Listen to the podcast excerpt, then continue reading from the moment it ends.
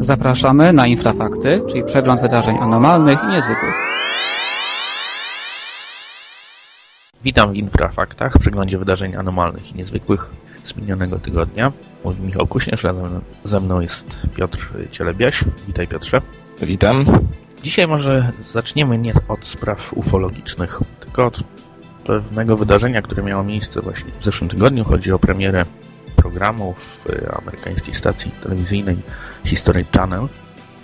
Otóż właśnie na potrzeby tego programu mm, naukowcy, czy też może bardziej specjaliści od grafiki komputerowej i różnych efektów specjalnych postanowili na, na podstawie wizerunku, jaki znajduje się na całunie turyńskim, słynnym, postanowili odtworzyć komputerowo postać, która e, rzekomo jest właśnie odbita na tym całunie i tym samym udało im się, jak e, sami oni twierdzą, e, zrekonstruować wygląd, twarz Jezusa.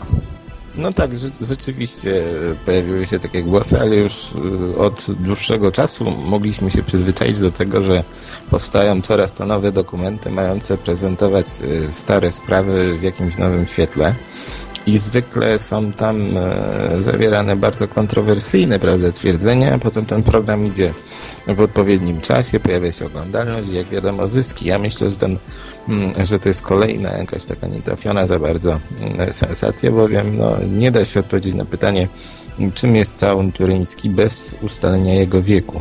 Mhm. E, I tak jak do dzisiaj nie ma pewności, mm, bo niektórzy wierzą, że te badania w 1988 roku były prawdziwe, mm, tak istnieje spora grupa ludzi, którzy kwestionują prawda, to, że te próbki e, zostały mm, pobrane nie tak jak trzeba, nie z tych miejsc, co trzeba.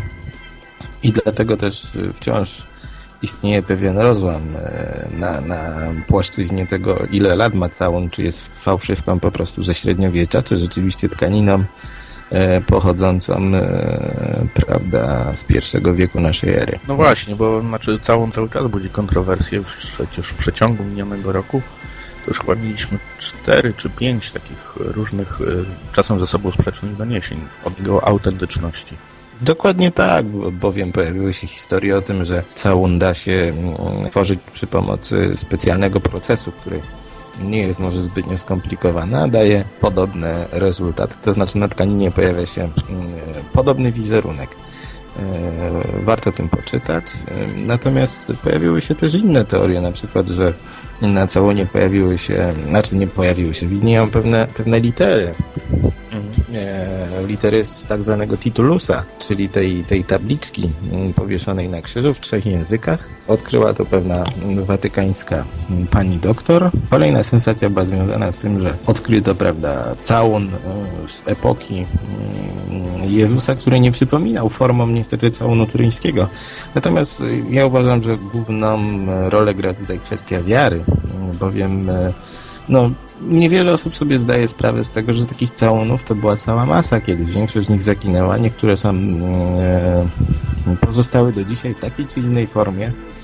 Niektóre oczywiście są mniej spektakularne niż ten e, turyński. Natomiast już tutaj e, kończąc tą kwestię tego nowego odkrycia, no nie powiedziano nic, nic nowego, bo właściwie gdyby twórcy tego serialu dodali, nadali po prostu e, Jezusowi rysę Eskimosa czy Indianina, no to równie dobrze można było przeforsować teorię, że pochodzi on e, z Ameryki albo z bieguna północnego. Po prostu wszystko zależy od mm, dobrej manipulacji, a niczego nie ustalimy, jeśli nie będziemy znali po prostu mm, wieku całunu. Mhm, tak, masz rację. Rzeczywiście to jest tak, że e, bardziej to jest kwestia wiary niż wiedzy. Zachęcam Państwa do przeczytania artykułu na ten temat, znajduje się w serwisie Infra. Teraz może przejdźmy już do tych mm, spraw, które najczęściej poruszamy, czyli e, zjawiska UFO, bowiem napłynęły kolejne doniesienia. Jednym z nich jest znowu Ameryka Południowa, tym razem Paragwaj. Wcześniej mieliśmy Argentynę, Peru, Chile. E, zresztą mówiliśmy o tym w zeszłym tygodniu. Tym razem Paragwaj i dziwne światła no tak, dziwne światła pojawiły się nad miejscowością Lukę, bo bodajże. No ale niestety nie można o tym powiedzieć nic więcej. Rzeczywiście wyglądało to nieco anomalnie. Pojawili się świadkowie, pojawiła się prasa, natomiast nic nowego, nic nowego w tej kwestii, że mm, relacje z Ameryki Południowej są zwykle takie same, to znaczy pojawia się świadek, e, rodzi się sensacja i potem wszyscy o tym zapominają, nikt o tym nie pamięta. Mm, myślę, że mm, po prostu jest to kolejna z wielu relacji. Pojawiła się także kolejna podobna relacja z Chin, to znaczy wpisująca się w ten charakterystyczny schemat e, chińskich obserwacji, czyli rzekoma masa świadków, a tak naprawdę nikt nic nie wie. To takie troszkę mm, zamknięte koło. Natomiast jeżeli mamy tutaj mówić o ciekawych sprawach, to może uchylmy rąbka tajemnicy odnośnie nowego, nowego, starego właściwie materiału yy, związanego z Emilcinem. No właśnie. E, nie, nie chcemy za dużo o tym mówić, ale myślę, że przygotujemy taką swego rodzaju niespodziankę w rocznicę tych e, słynnych wydarzeń 78 roku. Także w maju zaprezentujemy nagranie, które trzymamy dzięki e, dzięki e, pomocy naszego przyjaciela Arkadiusza Miazgi. Nagranie, którego, które nie było nigdy publikowane i, i no i właśnie po raz pierwszy będzie opublikowane u nas w tym roku.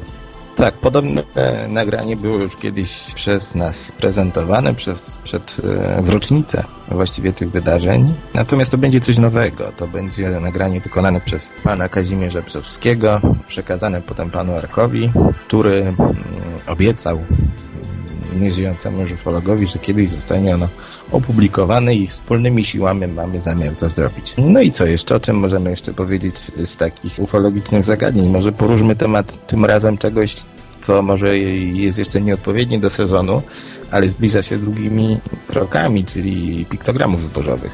No właśnie, bo chodzi o e, pewne, pewną taką wzmiankę, którą opublikował Jacques Vallée e, dotyczącą jego teorii, e, o której kiedyś pisał wiele lat temu, dotyczącej powstawania piktogramów, w której jakby zawarł on e, tezę, że odpowiedzialne za to są mikrofale emitowane przez urządzenia wojskowe. I teraz w wyniku publikowanych jakichś nowych danych dotyczących wojskowych doświadczeń z, związanych z budową swego rodzaju broni, która właśnie ma wykorzystywać mikrofale, co zostało jakby publicznie ujawnione, że prace nad tym, nad tym trwają od lat. Pan Jacques Vallée powrócił właśnie do swojego pomysłu, jakby mówiąc o tym, że, e, że to jest swego rodzaju potwierdzenie właśnie jego teorii sprzed lat.